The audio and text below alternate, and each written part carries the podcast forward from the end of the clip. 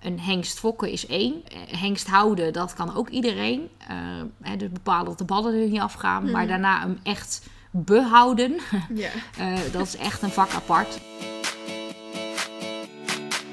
Hoi allemaal, superleuk dat jullie weer luisteren naar een nieuwe podcast. Ik ben samen met Anne-Claire. Wij hebben samen al twee afleveringen opgenomen en er waren zoveel enthousiaste reacties op dat we eigenlijk zeiden we moeten nog een vervolg maken. Wat voor reacties heb jij allemaal gekregen op de afgelopen podcast? Nou, heel eh, eh, ja, veel variatie, ook in leeftijden van eh, luisteraars. Maar echt super leuk. Echt alleen maar leuke reacties.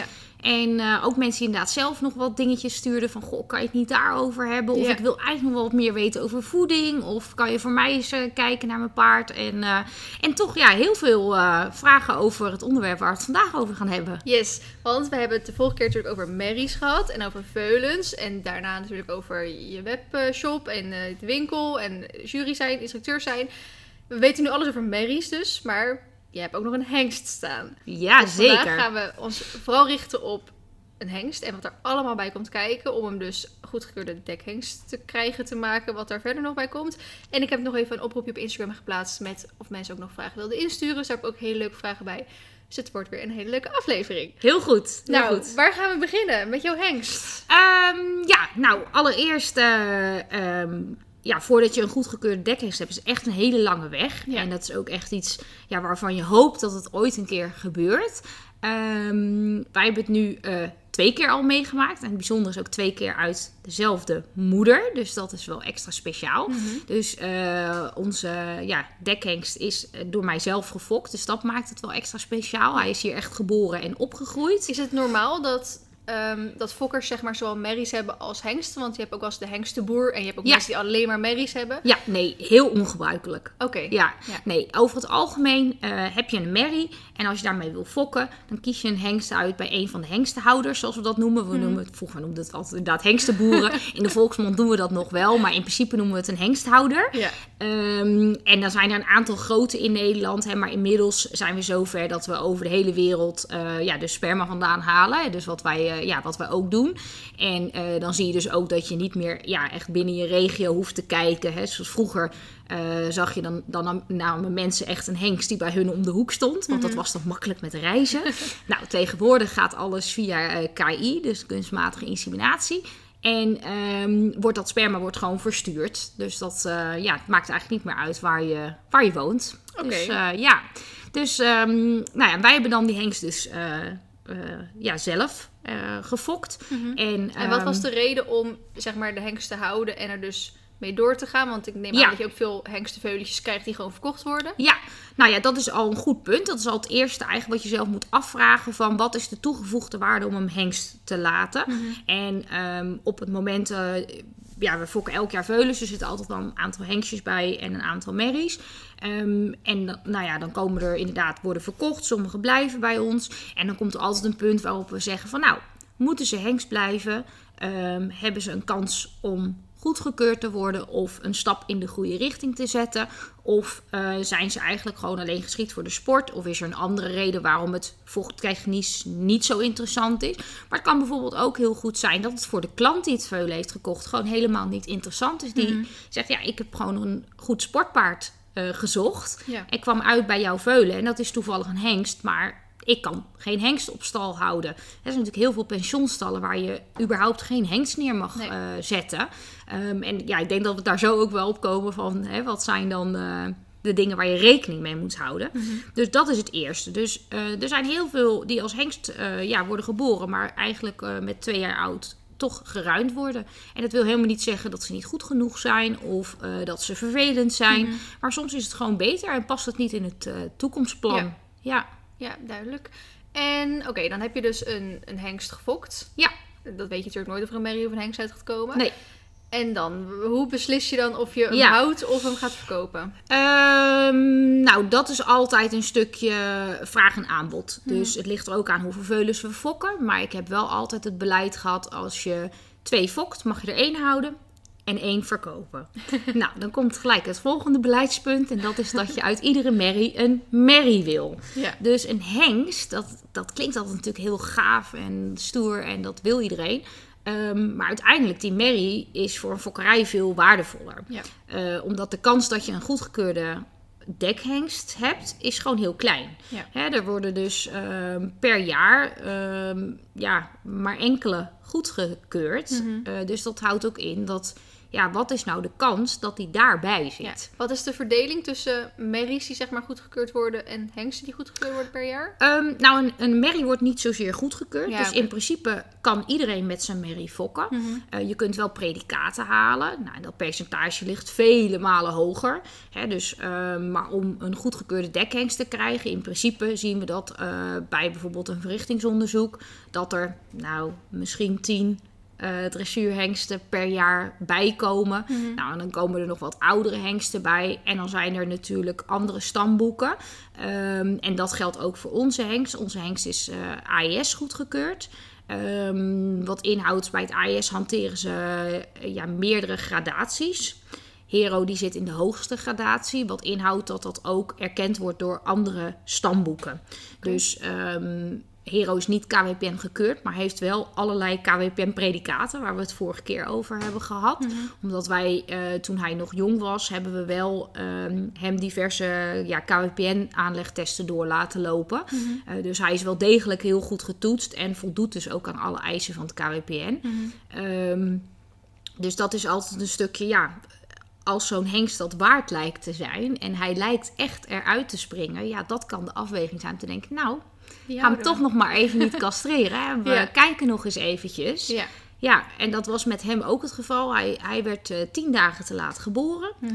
En ehm, hij stond gelijk heel stevig. En had echt spierballen al toen hij eruit kwam. Het was eigenlijk voor die moeder wel een beetje sneu. En, ehm, maar hij had een heel veel attitude. Dus hij stond in de waai met zijn kin omhoog. Zo van, kijk mij is mooi. Hij wist gewoon dat hij mooi was. Ja, ja. En ehm, nou, eigenlijk in de opfok was hij helemaal niet zo stoer. Was hij eigenlijk een beetje een poesie, als we het zo mogen zeggen. Dus eh, hij was helemaal geen vechtersbaasje. En eigenlijk helemaal niet zo haantje de voorste op het voer. En ja, dus hij, eh, ja, hij was eigenlijk altijd heel rustig en heel mensgericht. Dus er was ook niet heel veel nood om hem te laten castreren. Want Nee, hij gedroeg zich keurig. En ehm, we zagen wel al gelijk van hij kan echt heel goed bewegen. eh, als veulentje al. En, en ja, dat hij ook gewoon heel goed gebouwd was. Nou, dan is natuurlijk de vraag, nou, hoe ontwikkelt zich dat? En kijk, als hij een vervelend karakter had gehad, dan besluit je toch vaak Ja. eerder om wel te castreren. Nou, en hij was ontzettend lief, dus toen hebben we ook ja, vanuit daar gezegd, nou, we laten hem hengst en we kijken ja, hoe het verder gaat. Want ook met mak maken was hij echt, hè, dus zadelmak maken, dat was echt gewoon eigenlijk in twee, drie keer was het, ja, begreep hij het en was Ja. hij gewoon, eh, deed hij alles. En, ehm, en hij was gezond op de foto. En dat is Ja. ook een heel belangrijk onderdeel. Als eh, dat niet voor elkaar is, dan heeft het ook geen zin om zijn hengst te houden. Want dan wordt hij nooit goedgekeurd. Nee, nee, precies. Oké. Dus dan heb je besloten dat je hem hengst laat. Op Ja. meerdere redenen, zoals je noemt. En wat is dan het eerste wat je tegen gaat komen in het proces? Ehm, nou, het eerste... Ja, kijk, het eerste is Ga je natuurlijk... nog naar een veulenkeuring met hem? Ehm, ja, soms wel. Eh, ligt er altijd een beetje aan in welke periode de veulens worden geboren en hoe ze op het moment van de keuring zijn. Dus we doen het niet altijd. Ehm, we hebben met hem eh, volgens mij alleen een presentatie bij, denk van Uiter toen gedaan. was een soort veulenkeuring voor alleen eh, hengsten of veulens van, van hun hengsten. Toen hebben we zoiets gedaan. En, ehm, maar verder eh, ja, begint het eigenlijk, het veulentje is aan de moeder. Nou, die gaat met een maand of vijf van de moeder af. En dan gaan ze in een hengstenkoppel, zoals we dat dan noemen. En wat belangrijk is dat ze dan gesocialiseerd worden. Nou, bij ons is het natuurlijk zo dat ze hier blijven. Wij hebben zelf zo'n hengstenkoppel. Ja. En dat bestaat dan uit vier hengstjes van dezelfde leeftijd. Nou, dat maakt het al een stuk makkelijker om ze hengst te houden. Ja. Dus eh, nou, dan kijk je eerst die twee jaar aan. Dan staan ze samen. Nou, van die eh, groep van vier ehm, werden er toen twee geruimd. En twee waren eigenlijk goed genoeg voor de hengstenkeuring. Eén springhengst en één dressuurhengst van ons dan. En de springhengst was van klanten.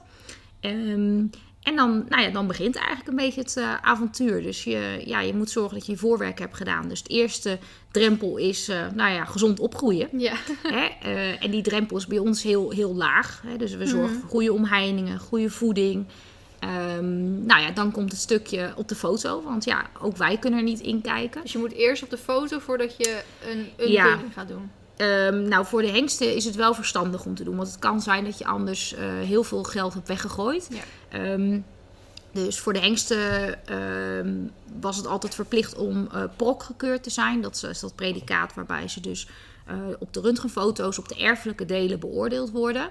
Ehm, inmiddels is dat vervangen door dat DOC en worden alleen nog enkele toegevoegde foto's gevraagd. Ja. Wat zijn erfelijke delen van het ja, Paard, Ja, ja. van de röntgenologische deel Ja, van het paard? eh, denk aan knieën en sprongewrichten bijvoorbeeld. Oké. Ja. En wat kan daar wel of niet goed? Eh, fout daar kan een OCD in zitten. Ja, dus een, een, een lospost eh. En dat zijn dan onderdelen waarvan ja, wetenschappelijk is aangetoond dat die ook erfelijk kunnen zijn. Nou ja, dan zou je natuurlijk niet willen fokken met zo'n Nee. eh, hengst. Nee, duidelijk. Ehm, nou, eigenlijk de eerste stap ehm, begint eigenlijk natuurlijk bij de merrie waar je mee fokt. Hè, dus eigenlijk moet je van tevoren al goed beslissen van... Hè, kan ik met deze merrie, kan ik daar zo'n toppaard mee op de wereld Ja. zetten? Ehm, dus voor ons is een eerste vereis dat die merries ook gezond zijn. Mhm. En dan is ook de, de, ja, de stap voor ons kleiner om dan te zeggen... nou ja, we houden zo'n hengst aan, want we weten al dat de moeder gezond is. Ja. Hè, we hebben natuurlijk best wel veel ehm, generaties al en Mhm. meerdere merries. eh, en je hebt dan al meerdere kinderen ervan. Dus dan weet je ook van, nou, deze zijn gewoon allemaal gezond. Ja. En dat is denk ik heel belangrijk, dat eh, ze in eerste instantie echt wel gezond moeten zijn. Ehm, en dan natuurlijk, dus wat ik al zei, dat, dat wel dat karakter, dat is wel belangrijk. Want Ja. als hengsten te mans zijn, ehm, ja, dan kan het soms best wel lastig zijn om daarmee om te gaan. En is het nou ook zo dat als je dus zowel of je merrie of je hengst wil zeg maar goed laten keuren, dat het ook belangrijk is dat er dus in het lijntje, dus in de generaties, al een aantal eh goedgekeurd zijn? Want ik ben, ik heb wel een soort van meegelopen met een, iemand die dus Appaloosa's eh dekhengsten fokt en zo, merries.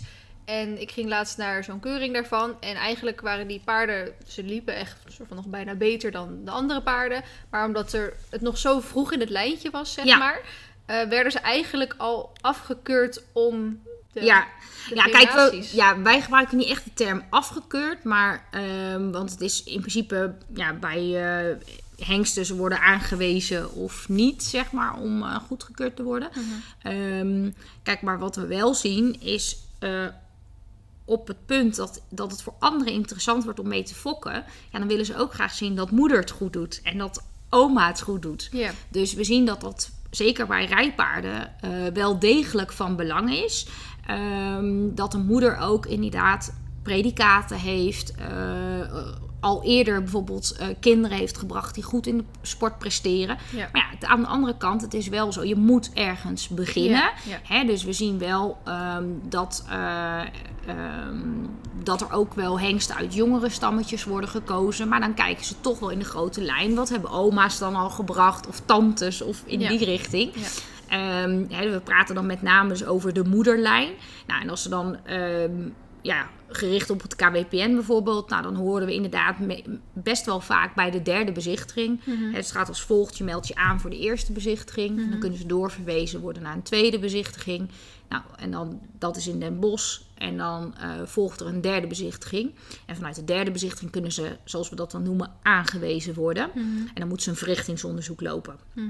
Ehm, wat er dan nog wel eens als commentaar wordt gegeven, eh, wegens een te eh, ja, minimale moederlijn of wegens te gebrek aan predicaten in de moederlijn.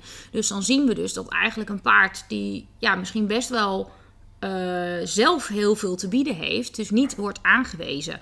En dat is ook een reden, denk ik, waarom eh, er toch wel wat fokkers zijn die ook ja, buiten het KWPN toch wel naar andere stamboeken gaan kijken. Omdat het er soms wel op lijkt alsof het ehm, ja, zo zeker moet zijn. Dat je haast denkt, ja, dat kan bijna niet met een 2,5-jarige. Ja. Hè, want zo jong zijn ze als we naar de hengstenkeuring Ja. gaan. Ehm, dat er soms ook wel eens... eh, ja, er worden ook wel eens hele grote jongens gemist. Hè? Dus een, eh, een Totilas, ja, die, die was niet goed genoeg. Die werd dus niet aangewezen. Bizar. Ja, een, eh, een Big Star, die gewoon dus Olympische Spelen heeft gewonnen. Mhm. Die, die, die was dus schijnbaar niet goed genoeg. Nee. Maar kunnen ze het dan alsnog halen door Ja, de prestaties ja. in de sport? Dus? Ja, maar dat is ja, wat mij betreft natuurlijk lekker makkelijk. Ja. Want dan zeg je, hij loopt nu Grand Prix. Nou, dan keuren we hem goed. Hè, dus dat, dat is wel iets wat ik soms als fokker... en ik denk dat heel veel fokkers zich daar wel in herkennen... dat we dat soms wat lastig vinden. We zien dat ze in Duitsland wat breder keuren. Dus dan pakken ze wat meer hengsten. Dan zeggen ze, nou, laat maar zien hoe die fokt. Ja. En als de fokkers ze niet meer nemen, nou, dan wijst het, hè, dat dunt vanzelf uit. Dus Ja. de niet populaire hengsten of de hengsten die niet goed presteren, Ja. eh, vallen uiteindelijk toch af. Ja. Nou, en dan zien we in Nederland dat we eigenlijk eh, ja, drie stamboeken hebben die eh hengstenkeuringen organiseren voor eh rijpaardhengsten. Nou, de grootste is dus het KBPN. En dan hebben we het NEPS en het AIS, die zowel spring- als dressuurhengsten keuren. Ehm, nou, Hero, die is dus wat ik al zei, is goedgekeurd bij het AIS. En dat is op basis gebeurd van zijn prestaties in de sport. Want Hero als eh 2,5-jarige was hij eigenlijk nog heel erg een puppy. En was hij ook ja, gewoon nog wat klein en wat ielig. Dus hij kon wel heel goed lopen. Maar hij was nog niet echt een vaderfiguur zo om te zien. En, eh, maar wat bleek nu? Hij deed onder het zadel waanzinnig. Echt Ja. gewoon abnormaal. En dat was ook de reden voor ons toen om te zeggen... nou, die ballen die blijven er voorlopig nog even aan. Ja. Nou, toen heeft hij als driejarige heeft hij een, eh een IBOP eh, gelopen. Voor, eh, eigenlijk in eerste instantie voor zijn moeder, Tanetta. Want ehm, hè, wat we het vorige keer hebben besproken... die, die moeders kunnen dus predicaten behalen op ja, de prestaties van hun kinderen ook. En ehm, nou, die IBOP die, die haalde die met glans. En hij werd dan aansluitend werd hij ook ster verklaard. Dus ze zeiden ook, nou, hè, buiten dat je het goed doet onder het zadel, ben je ook nog mooi gebouwd. Dus toen gingen we met twee predicaten huiswaarts. En hij was dus al prok gekeurd, omdat dat hadden we aan het begin al gedaan. En ehm, nou ja, toen eh, kwam eigenlijk ja, mijn eh, blessure, waar we het over gehad hebben. En toen moest ik hem ja, uitbesteden, omdat we toch wel graag wilden dat die Pavel Cup eh, zou lopen. Omdat Ja. het toch wel gauw duidelijk was dat hij echt over drie echt bovengemiddelde gangen beschikte. En ehm, toen is hij uitgebracht door Femke de Laat. En die heeft hem daar eigenlijk voor klaargemaakt. En die zei, ja, ja, binnen twee weken had ze hem al mee naar een wedstrijd. Want ze zei, ja, het is zo'n makkelijke hengst. En eh, ja, hij heeft echt eh, wedstrijdmentaliteit. En toen eh, ja, bij de Pavel Cup eh, deed hij het eigenlijk waanzinnig goed. En ehm, mocht hij dus naar de halve finale. En in de halve finale eh, behaalde hij dus ja, 82 punten. En mocht hij door naar de finale. En er lopen dus maximaal 15 paarden eh, finale. Ehm, meestal zijn, ja, volgens mij waren het dat jaar 12 of zo. Ehm, en ja, dat was dus wel ook een, eh, een reden voor het AIS om te zeggen, nou, ehm, gezien deze prestaties, eh, willen we graag die hengst een keer bekijken. Om te zien of we hem kunnen goedkeuren voor dekdienst. En dat had er dus met name al mee te maken dat hij dus. ehm, hij was al gezond van binnen. Hij had al een aanlegtest onder het zadel gedaan bij het KWPN, waar hij dus ja, goed voor geslaagd is. Bij de Paven Cup ehm, had hij niks onder een 8 gescoord. Dus alleen maar 8 en 8,5 voor alle gangen. Dus dat is ook, ja, dat is gewoon echt heel fijn. Omdat we zien toch vaak hè, dat een hengst of heel goed kan draven of heel goed kan galopperen. Maar het is altijd wel één gang die wat minder is. En ehm, nou ja, zodoende eigenlijk eh, ja, dat ze zeiden, nou dit is zo uniek. En ook het feit dat hij dus eh Pavel Cup finale had gelopen. En daarna ook nog eh Subli Cup finale, want ook die finale had hij bereikt. Ehm, ja, dat, het, eh, ja, dat hij eigenlijk redelijk eh, ja, makkelijk gekeurd kon worden. En dat we dus een stapje over hebben kunnen slaan. En dat hij gelijk onder het zadel is beoordeeld. En ehm, dus ja, dat was voor ons natuurlijk eh, ja, ontzettend mooi. En echt een droom die uitkomt dat je, ja, dat je hengst wordt goedgekeurd. Ehm, maar ja, dan komt wel de volgende stap. Want er zijn best wel wat hengsten gekeurd, maar niet iedereen plant zich voort. ja, dus met plant zich voor bedoel je of ze ook echt... Echt gaan dekken. Ja, maar gaan dekken als in dat er vraag naar hem is... of dat ehm, Ja. de sperma aanslaat, om het even zo te zeggen. Ehm, beide. Kijk, ehm, voor, eh, ze worden dan goedgekeurd. Nou, eh, dan kom je ook pas op het punt dat je sperma gaat testen. Ehm, Misschien is hij wel niet vruchtbaar of zo. Of... ja, de kans is heel klein. Eh, maar er zijn wel degelijk, ja, net als met mensen, eh, ja, de ene is vruchtbaarder dan de ander. Ja. En dat wordt wel degelijk beoordeeld. Ehm, je ziet dus ook dat het bij hengsten vermeld wordt of ze eh, matig sperma bijvoorbeeld hebben, of goed vruchtbaar. Of, eh, nou, we zien in de regel ook dat ze, als ze aan het begin van hun dekdienst staan, dan hebben ze nog wat minder rietjes. Eh, wat opgeslagen kan worden of verdeeld kan worden dan naarmate ze ietsjes ouder worden. En daarna neemt het weer af. Dus ehm, ja, je laat dat dan testen. En dat moet ook ieder jaar gebeuren. Dus dat doen we ook voor Hero elk Mhm. jaar. Ehm, maar ja, dat is wel allemaal extra eh, ja, stappen die je moet ondernemen voordat je er Ja. eigenlijk echt bent. Dat Ja. hij ook daadwerkelijk een merrie kan eh, dekken. Ja.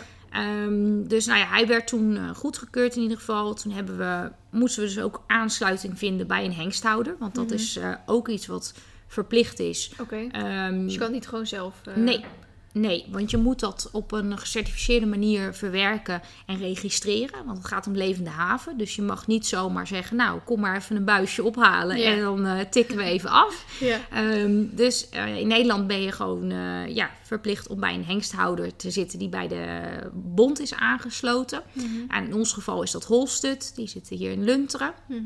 Eh, Jurgen van der Holst die doet dat.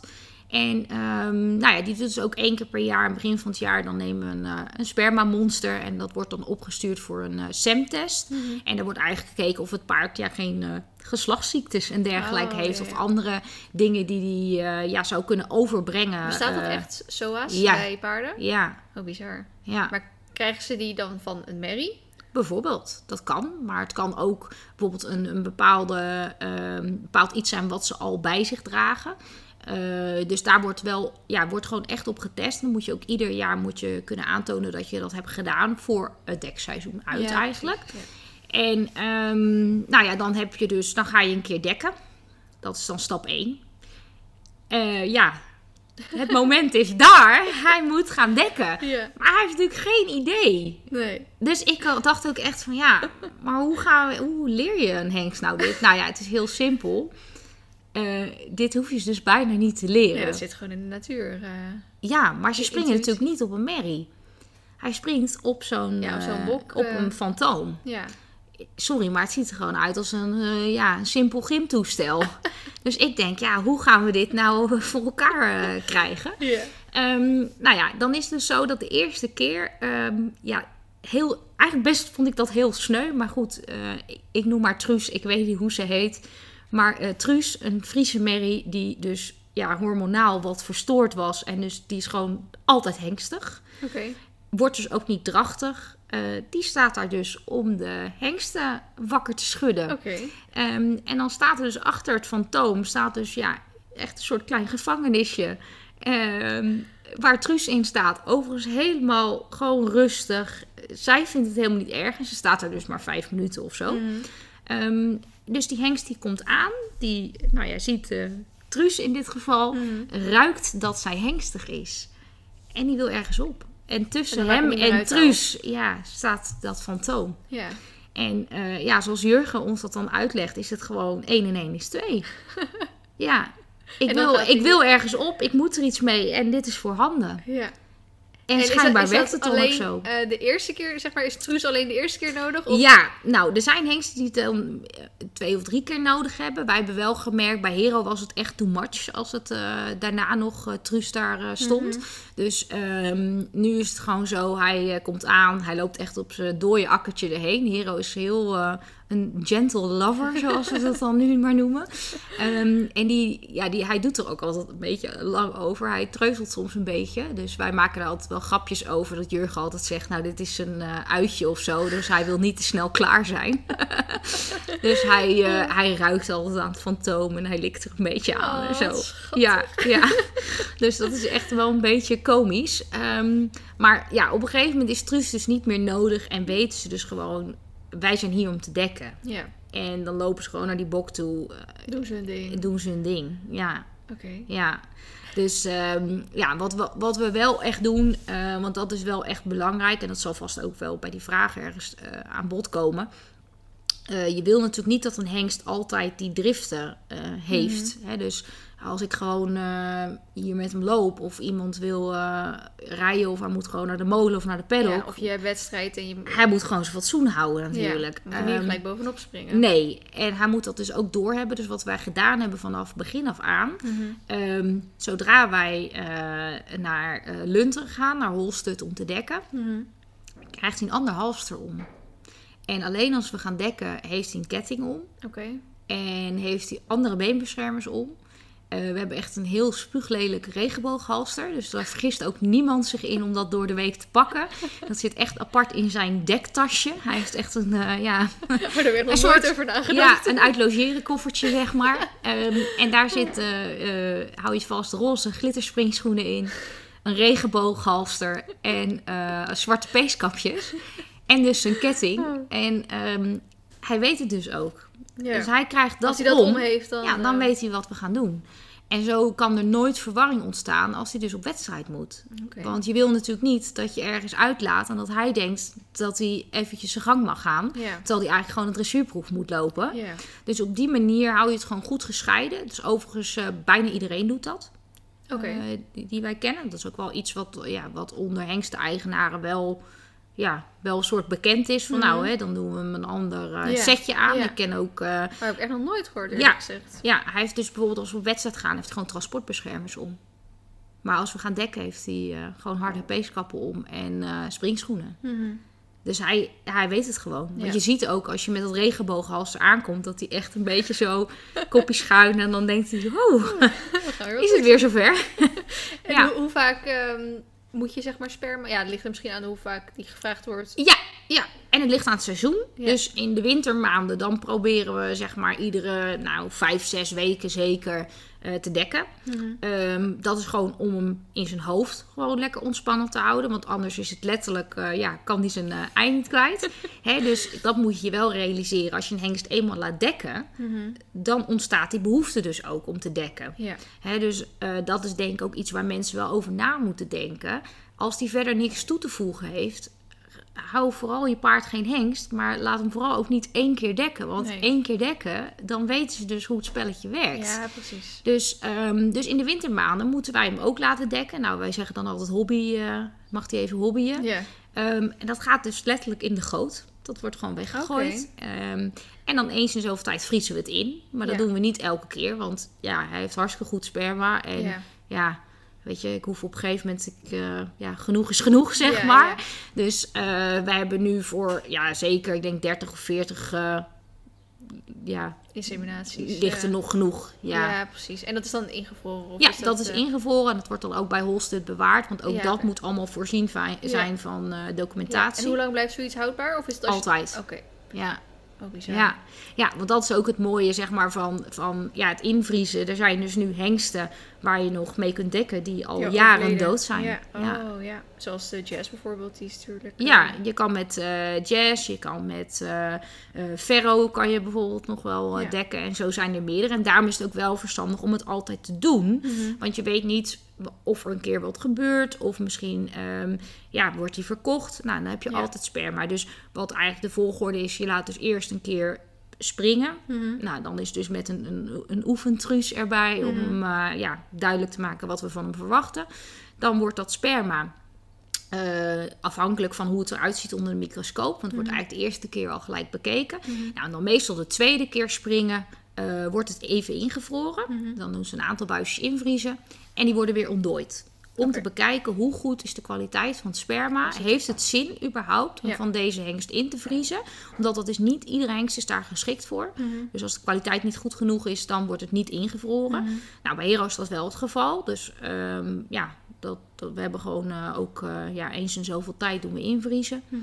En ehm, nou ja, daarna is het dus inderdaad afhankelijk van hoe vaak eh, is er vraag. Ja. Hè, dus, eh, Sinds wanneer is hij, eh, mag, ja, is hij beschikbaar, zeg maar? Ehm, even, ja, nee, nee, nee. ehm, hij is nu toevallig deze week is hij 8 geworden.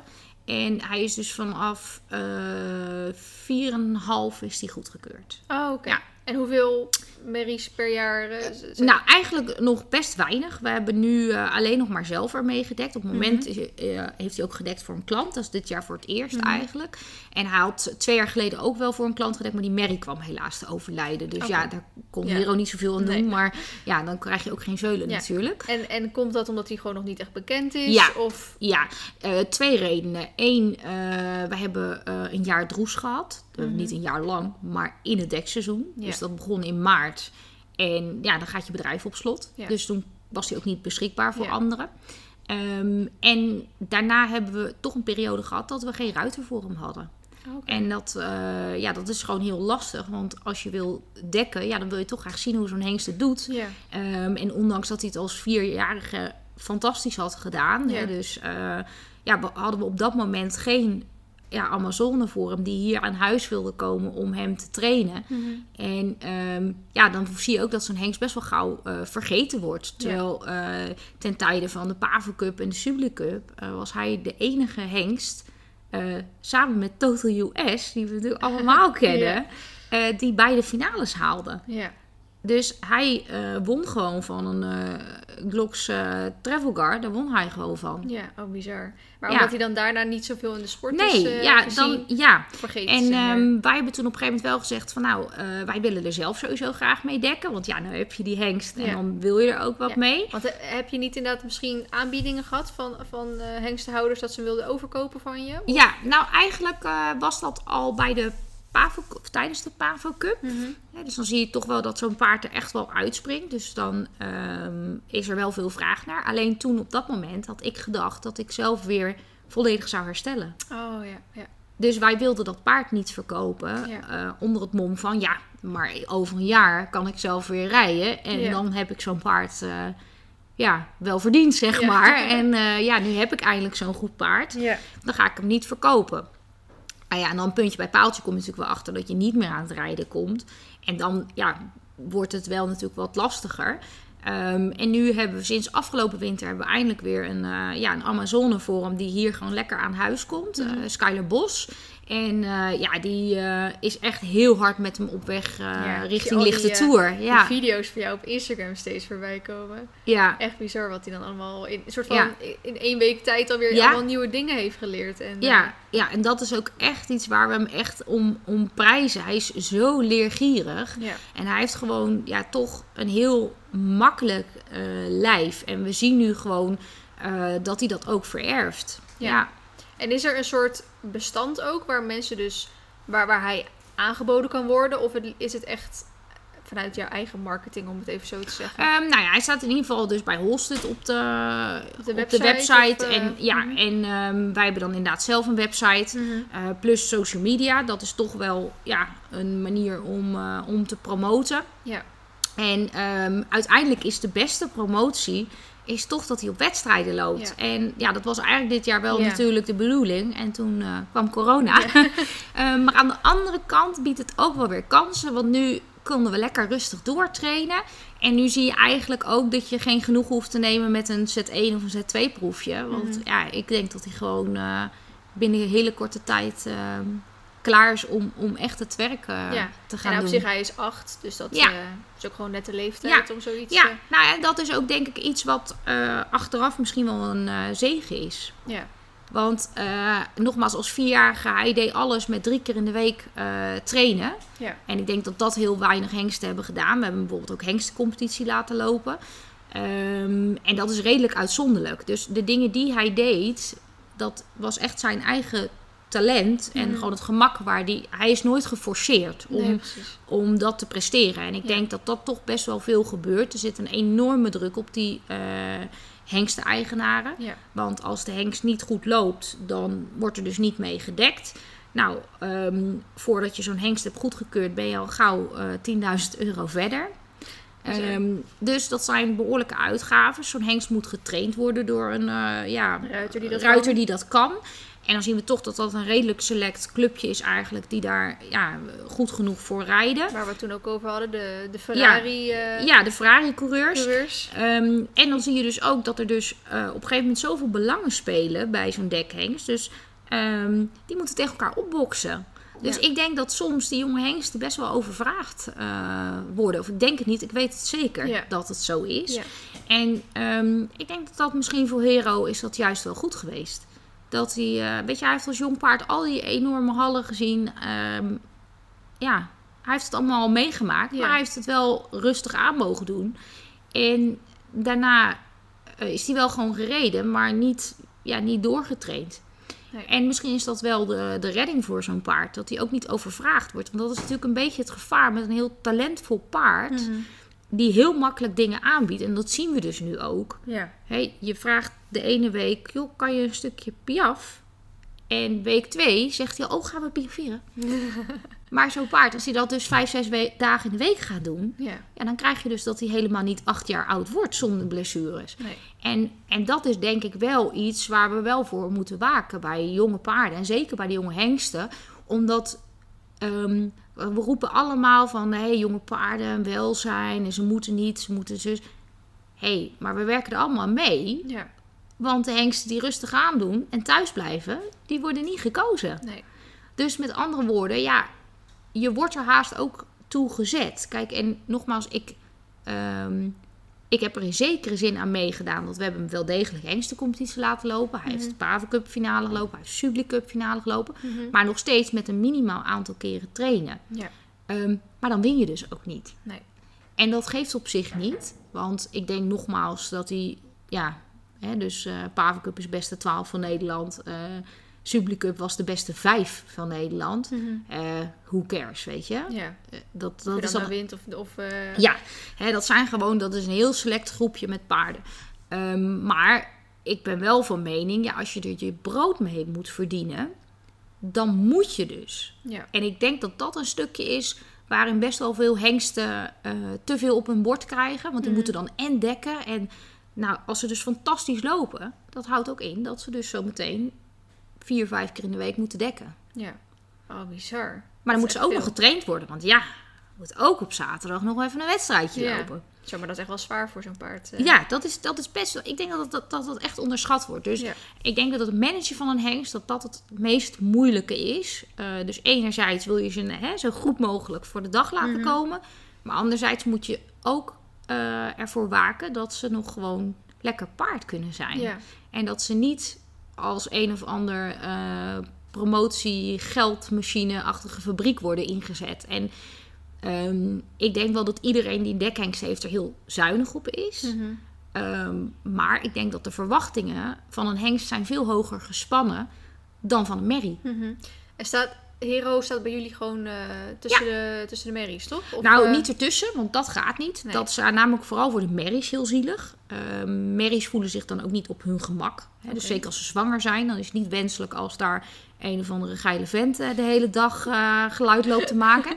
dus ehm, Hero staat wel in dezelfde gang, maar die staat op een hoekbox op het eind. Oh ja. Ehm, maar Hero komt bijvoorbeeld iedere ochtend als eerste, gaat hij in de paddock. Mhm. Ik vind het heel belangrijk dat hij elke dag loskomt. En eigenlijk, nou, ik denk dat hij zes keer per week eh, twee keer in de paddock komt. En soms wel drie keer als hij een vrije dag heeft. Mhm. Ehm, ik vind dat heel belangrijk. Dat hij ook paard kan zijn. Ja, maar ik vind het dus altijd zo erg dat die hengsten altijd zo'n beetje in een hokje achteraf... eh, Ja, maar ehm, kijk, het is een beetje kiezen of delen. Kijk, natuurlijk is het niet meer. Mhm. Dus je kunt wel roepen van ja, maar natuur, hé, dat is prima. Maar dan moet je ook accepteren dat je hengst misschien een keer doodgeslagen wordt door een merrie. Want dat doen merries als ze niet willen. Ehm, en dan moet je ook accepteren dat er dus ook geen enkele ruin op jouw stal kan zijn. Want een hengst is gewoon de baas. In de natuur zijn er geen ruinen. Mhm. En een hengst, die moet zelf een nieuwe kudde gaan maken. Dus sommige dingen kun je zo'n hengst ook niet kwalijk nemen. En dan moet je wel zeggen van nou ja, in het kader van veiligheid, Mhm. hè, maar ook in het kader van nou, ik heb wel graag dat al mijn paarden heel blijven, Mhm. moet je sommige beslissingen wel voor je paarden nemen. Ja. Hè, dus ehm, kijk, dat is eh, wel het nadeel. Een paard heeft eh, best wel weinig hersenen. En eh, in dit geval, de ballen zijn groter dan de hersenen.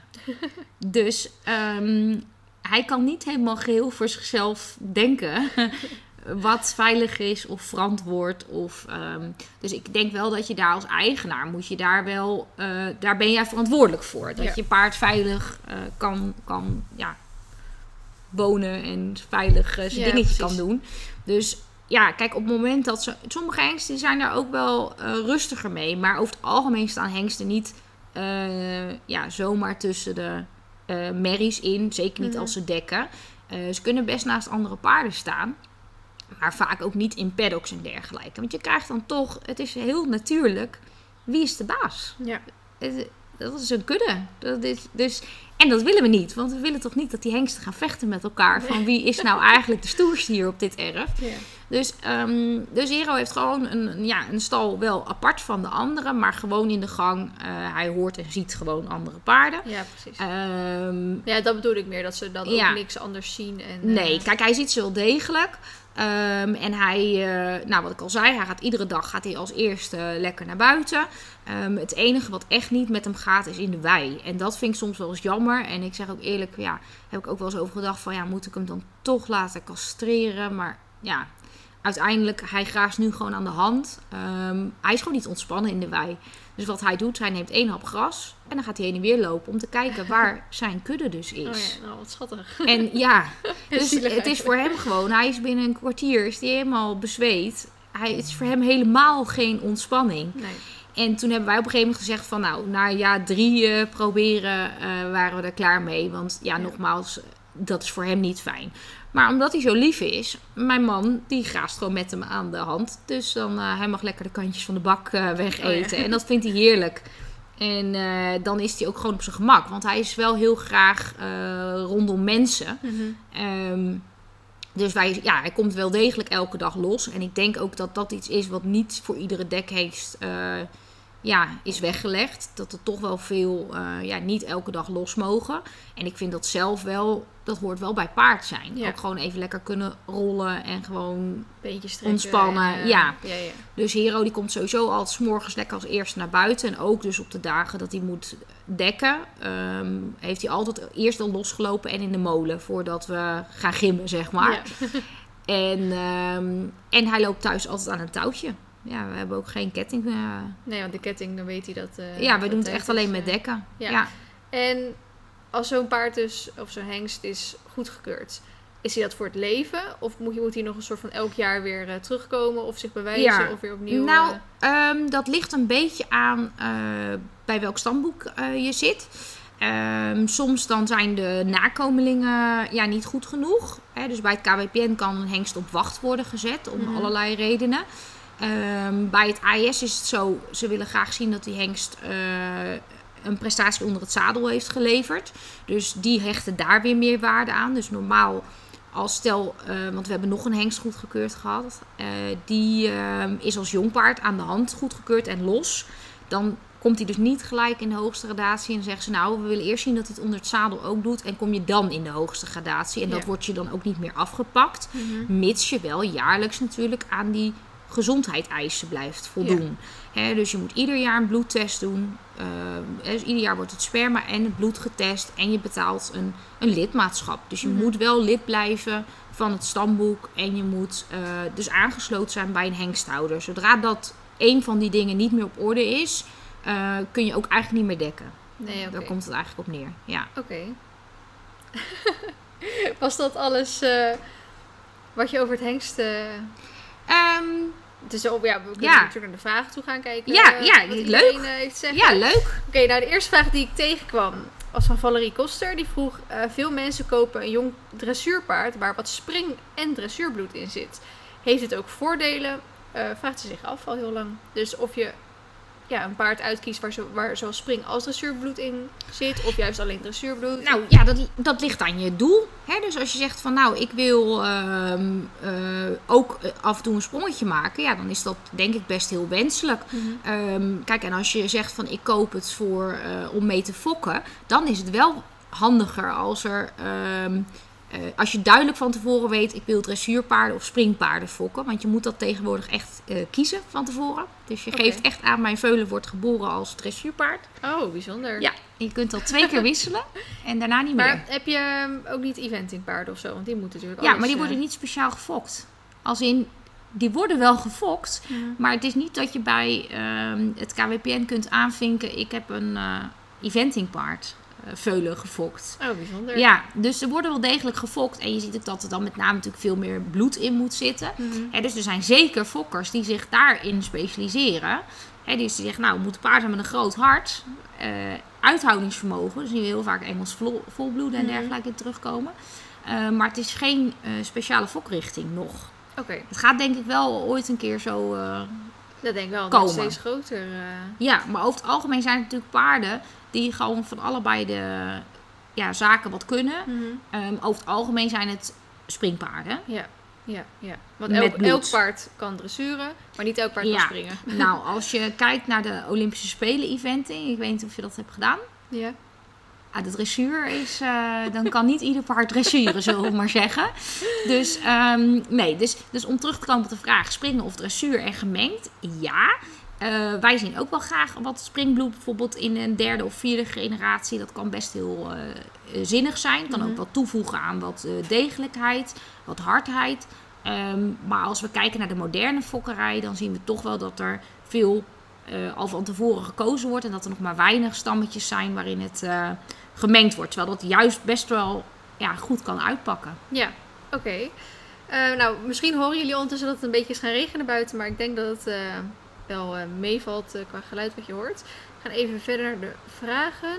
Nou, ik heb hier bijvoorbeeld een vraag. Als je een hengst gaat kiezen, waar kijk je dan naar? Maar daar hebben we denk ik vorige keer met de mensen Ja. natuurlijk al redelijk over gehad. Ja, Gewoon kijken wat de sterke punten of de zwakke punten van je merrie Ja. zijn. En ook weer zo bij de hengst. ja je begint echt eerst bij je merrie. En vanuit je merrie kies je een hengst die dat zou kunnen verbeteren. Mhm. Hoe kan je hengst dat worden en kunnen alle hengsten dat worden, maar ook een Shetlander of zo? Maar dat zijn natuurlijk... Nee, ja. Nou, kijk, eh, ieder, eh, ieder ras heeft dus ook een eigen stamboek. Dus ook Shetland hengsten worden goedgekeurd. Maar ook daarvoor moet je naar een keuring toe. Ja. Hè, dus nee, zeker niet alle hengsten worden goedgekeurd. Eh dat is echt iets wat je hoopt als fokker een keer mee te maken. Ja, en hoe kan je het best achterhalen wat een dekhengst vaak wel of niet vererft, zodat je voor je merrie een goede hengstkeus kan maken? Maar dat is denk ik, Ja, moet je echt naar de nakomelingen. Ja, ja, maar soms begint een hengst natuurlijk pas net. Dus dan kun je nog niet heel Nee. veel nakomelingen zien. Dan is het gewoon verstandig om toch de moederlijn van de hengst uit te pluizen. En te Mm. zien van nou, wat heeft er al verder uitgekomen.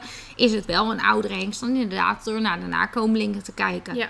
Van wat heeft eerder al goed gematcht, bijvoorbeeld met een bepaalde bloedlijn. Of eh, hoe zijn nakomelingen. We weten het gewoon van sommige hengsten dat ze wat lastiger fokken. Of van sommige hengsten juist dat ze wat vriendelijker zijn. Of, Ja. ja. ja. Eh, wat is een goede prijs voor een dekhengst? En nu kan ik nog niet echt uit de vraag halen of ze bedoelt echt voor Het de... sperma of het paard Ja, zelf? precies dat. Ja, nou, dat is. ehm, dat ligt dus aan de prestaties van de hengst en hoe exclusief die is. Dus je kunt Ja. je voorstellen als een hengst op een gegeven moment Olympische Spelen heeft gelopen. Ja, dan, eh, dan mag het wel wat kosten, zeg Ja. maar.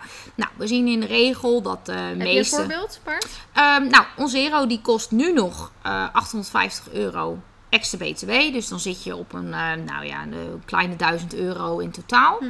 Ehm, de meeste hengsten die zitten inderdaad tussen de 800 en 1500 euro. Ik denk dat je het gros daarmee gehad hebt. Nou, de hengsten die dan hoger in de sport lopen. ehm, denk aan eh, echt lichte Tour Grand Prix. Of eh, bijvoorbeeld een eh, WK jonge paarden hebben gelopen. Of eh, hengsten die bijvoorbeeld al meerdere kampioenen hebben gegeven. Dus die zelf al, waarvan we gewoon zien, hé, hey, die nakomelingen die Ja. gaan het echt goed doen. Ehm, nou, dan zien we dat die prijzen toch wel richting de 2000 euro gaan. Ehm, en als we dan kijken naar hengsten die inderdaad echt die Olympische Spelen... eh, ja, en gewoon al, al tien jaar eh, in het vak meedraaien... en die echt aparte nakomelingen geven... ja, dan ga je al eerder tussen de 2 en de 3000 euro. Ehm, en neem een Totilas, ja, die was in zijn hoogtijdagen... eh kostte dat 8000 euro. Dat is toch bizar. ja, dus het gros, hou het tussen de 1000 en 2000, dan ben je safe. En praten we dus over dekgeld. Ja. Nou, wat is een dekhengst waard? Dat is zoiets als, wat is een goed paard waard? Ja. Wat kost een auto? Ja. Ja, je hebt ze van vijf, eh, nou, 25.000 euro. Mhm. Eh, niet hele goede. ehm, en nogmaals, praten we over die Shetlander of praten we over...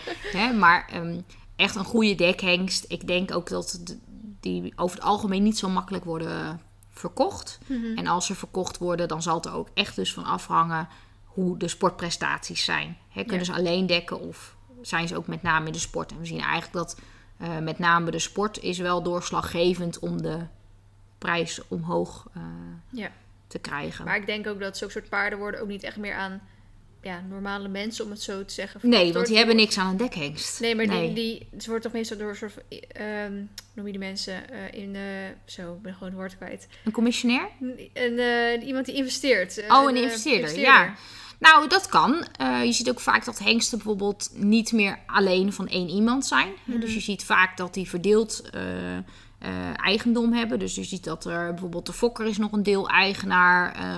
En dan inderdaad bijvoorbeeld een hengsthouder of eh, inderdaad een partij die wil investeren. Die zegt, nou, hè, die hengst dekt vaak. Dus op die manier krijgen we ons, eh, verdienen we daar ons geld mee. Ja. Eh, of anderzijds, als die opgeleid is, wordt die verkocht. Mhm. Ehm, en nou ja, bij ons is het dus zo dat Hero is nog steeds volledig van ons. Hè? Dus die is nog steeds van de ja, fokker. Ja.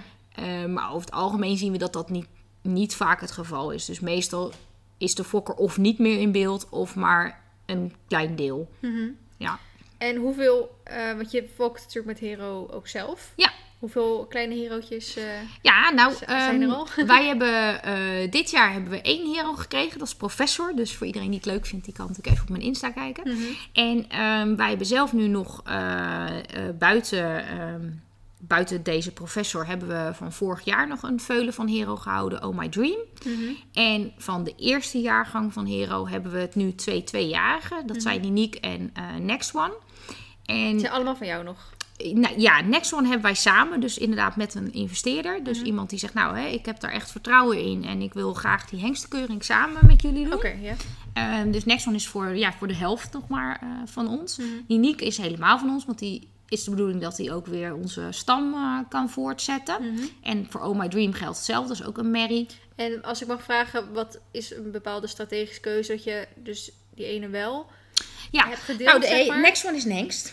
Hè, dus eh, ik kan daar zelf eh, niet heel makkelijk eh, mee verder. Mhm. Want Oh, de rest is ehm, veel eh Mary's. Of- Oh, zo. Ja, Ja. ja, ja. ja. Ja. ja. Dus eh, de ene merrie komt uit Danique. Eh, en eh, dat is een Santano merrie. En de andere merrie komt uit Just a Dream. Dat is een Dreamboy merrie. Dus met die zou je weer verder kunnen fokken. Ja. En ehm, als we dan kijken naar Next One. eh, die kan dan eigenlijk, ja, theoretisch gezien maar op één van mijn merries. Want de rest is bloedverwant. Ja, precies. Dus, ehm, en nu, ja, omdat ik zelf niet meer kan rijden, ben je dan eerder geneigd om van de hengst te zeggen, nou, die gaan we verkopen. Wij hebben wel heel bewust gezegd, als veulen houden we hem. Mhm. Want wij, ja, wij zagen ook wel gelijk dat het een heel apart veulen was. Ook weer zo één waarvan je denkt, nou, dit zou er wel weer eens één Ja. kunnen worden. Maar kan, kan je dan Ehm, niet vaak als veulen... Ik bedoel, als twee, drie jaar zijn ze veel meer waard dan als Ja. veulen, denk ik, toch? Dus Ja. Is het dan is het toch gewoon heel normaal om zo'n veulen nog even twee jaar aan te houden? Ja, maar er zitten ook risico's aan. Ja, dus als veulentje ehm, heb je ook geen risico's. Nee, oké. En dat is eh, twee, drie jaar groot worden. eh, kost één ook best wel veel geld als je dat goed wil doen. Ehm, en ja, je hebt gewoon risico tot aan dan. Hè, dus eh, dat is hier nogmaals wel een stuk minder. Omdat we dus dat opfok in eigen beheer doen. Maar wij hebben wel duidelijk gezegd van de heroveulens. Die blijven wel hier in de opfok. Zodat we de meeste garantie hebben dat ze ook gezond groot mogen worden. Ja. En dat ze niet ergens spronkelijk op een weilandje stuk gaan. Omdat er niet eh, ja, goed genoeg opgelet wordt. Ja. Of niet goed Ja. genoeg voor gezorgd wordt. Ja. En wat was dan de reden om die Next One samen met iemand te gaan doen? Want je kan hem ook zelf houden eigenlijk, net zoals dat je met Hero Ja, gedaan klopt. hebt. Maar op een gegeven moment dan ehm, eh, is dat is een stukje risicospreiding. Hè, ja. Dus dat je ook zegt van nou, samen ehm, heb je minder risico. Mhm. Eh, en het is ook een stukje gunning geweest in dit geval. Mhm. Dit is ook iemand ja, waar, we, ja, waar graag zaken mee doen. Mhm. En die daar ook ja, echt op een hele plezierige manier in staat. Mhm.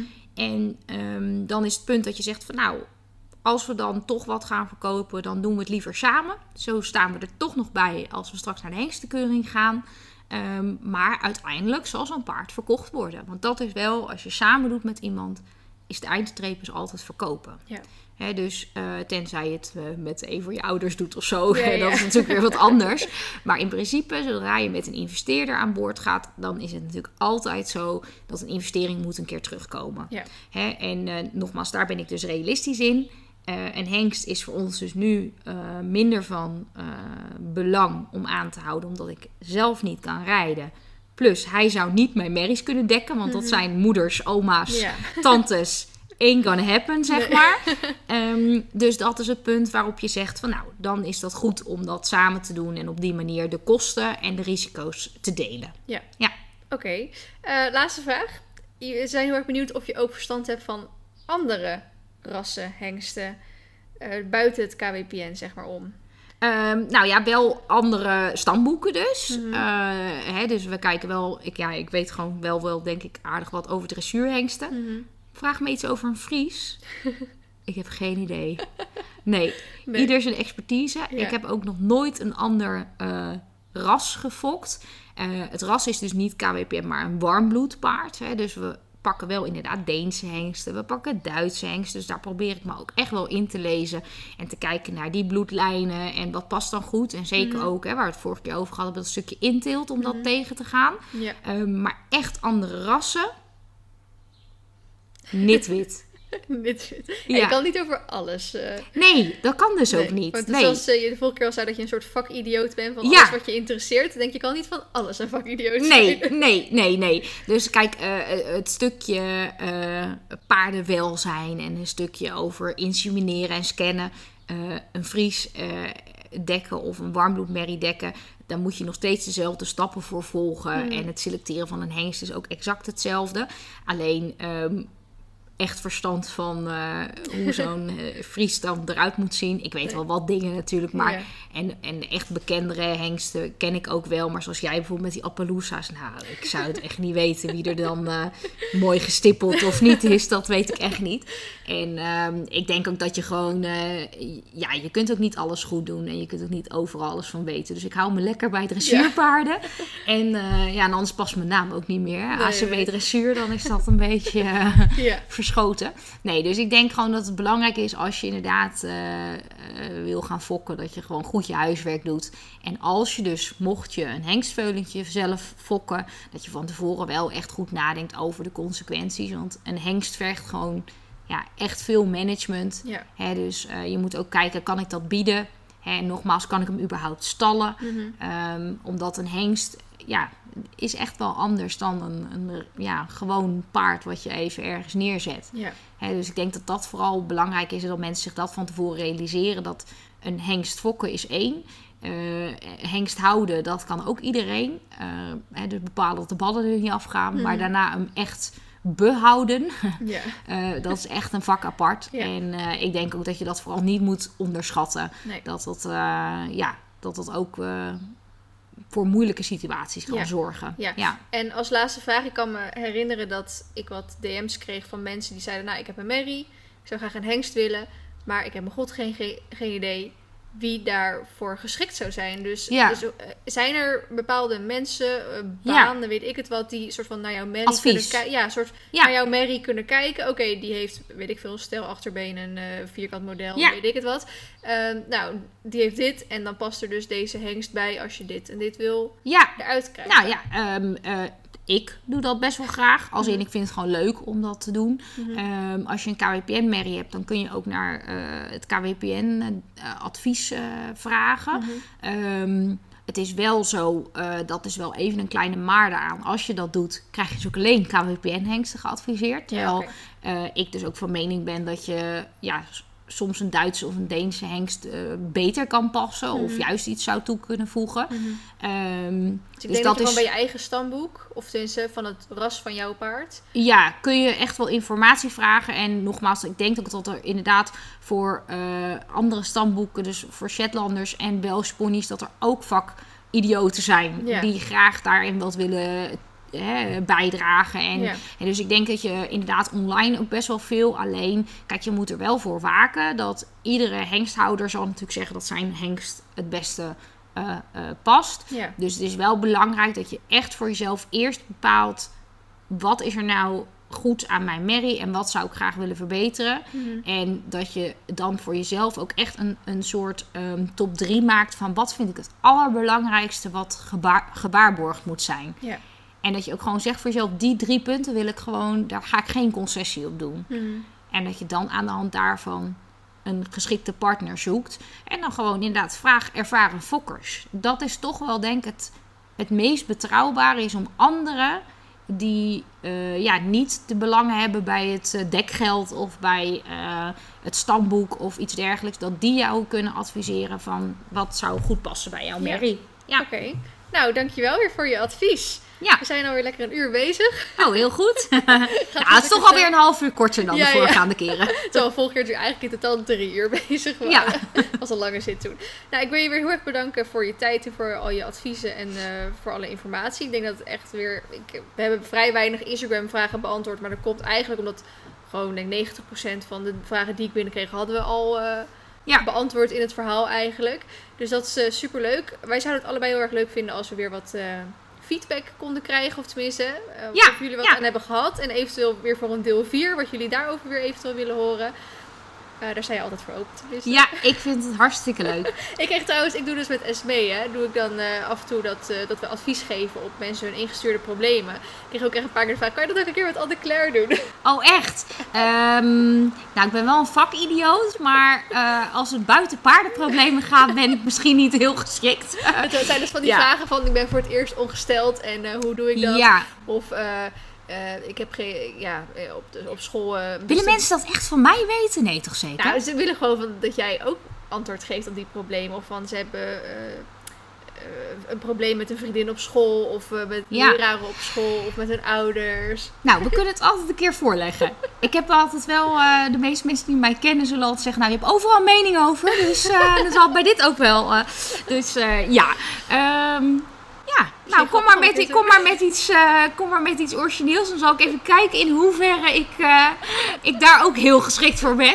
Maar alle paardgerelateerde dingen kun je me zo altijd voor Ja. vragen.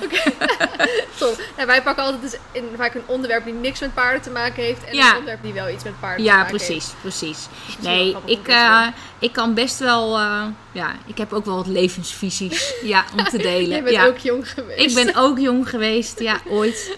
Ja, Nou, top. Dan gaan we bij deze afsluiten. Ik ben heel erg benieuwd naar jullie berichtjes, wat jullie ervan vonden. En dan zie ik jullie heel graag de volgende keer weer. Doei doeg!